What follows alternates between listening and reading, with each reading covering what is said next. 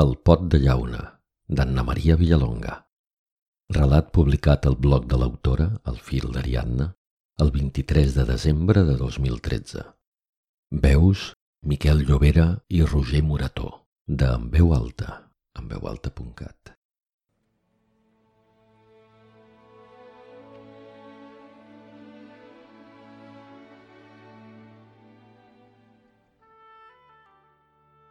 Barcelona era un retall de diari dins d'un pot de llauna. Un pot de llauna sota un matalàs groguenc.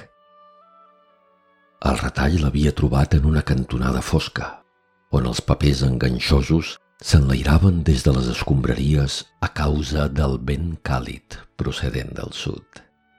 Una força desconeguda l'havia empès a aturar-s'hi i acollir-lo. Quan va veure la foto, no li va semblar estrany.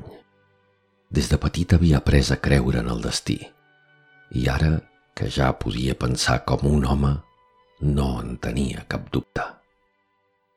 Perquè uns dies abans el seu veí li havia parlat de Barcelona. Ell només sabia que era una ciutat d'Europa amb un equip de futbol molt important, però el veí afirmava que també era un lloc modern i pròsper, que tenia els edificis, parcs d'herba verda i un mar blau i tevi que enamorava. El retall mostrava una construcció estranya, amb agulles altíssimes que tocaven el cel. Li va semblar una cosa insòlita, fora del món. Quina bellesa més sorprenent. El diari era estranger i ell no entenia les paraules. Només va reconèixer el nom de la ciutat perquè era igual que el de l'equip de futbol. Va estar mirant-se la foto una estona molt llarga. Va agafar dels fogons un pot de llauna rovellat, va plegar el retall amb delicadesa i el va desar dintre. De nit, sovint el treia i el contemplava. Les agulles l'enlluernaven. Res de dolent no podia passar sota el seu aixopluc. La seva bellesa s'escapava dels límits humans i li envaïa l'esperit amb una descàrrega d'energia. Un dia van començar els somnis i al cap de poc temps ja no podia controlar-los. Els somnis eren, sens dubte, un senyal del destí que l'empenyia. Sabia molt bé què havia de fer. La decisió va ser ràpida. Va parlar amb el seu veí i tot d'una les coses van anar molt de pressa. S'acomiadà dels pares amb dolor. No pateixis, mare, que ja sóc un home. Tinc 17 anys. Tot anirà bé.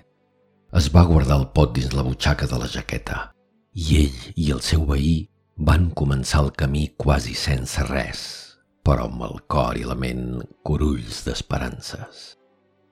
Reien com uns babaus per qualsevol cosa mentre s'acostaven al vaixell que els havia de dur a un altre continent, a una altra vida. Barcelona. Aquella ciutat d'agulles lluminoses que pujaven amunt, amunt, més que els ocells, cap a la lluna. Un dia el veí es va fer mal en una cama. S'havia trencat un os i no podia continuar. Ell ho va sentir molt. Li dolia deixar-lo, però la seva determinació era massa ferma. El destí el guiava. No li van importar les calamitats, els perills, les inclemències del temps, el mareig i la set en una embarcació que era com una closca de coco repleta de gent. Va perdre el farcell de la roba i els pocs diners que li quedaven Tenia les sabates destrossades i els peus inflats i ferits. Es va posar malalt i va tossir molt, però va arribar a Europa. Les agulles eren a tocar, cada dia més pròximes.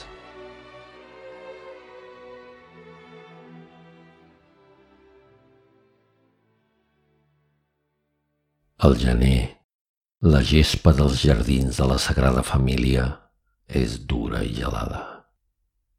El gebre de la matinada la converteix en un mantell de cristalls punxants que traspassen la roba i fereixen la pell.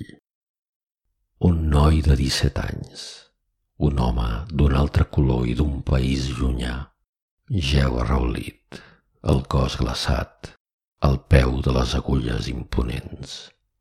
Al seu costat, uns metres més enllà, un retall de diari dins d'un pot de llauna.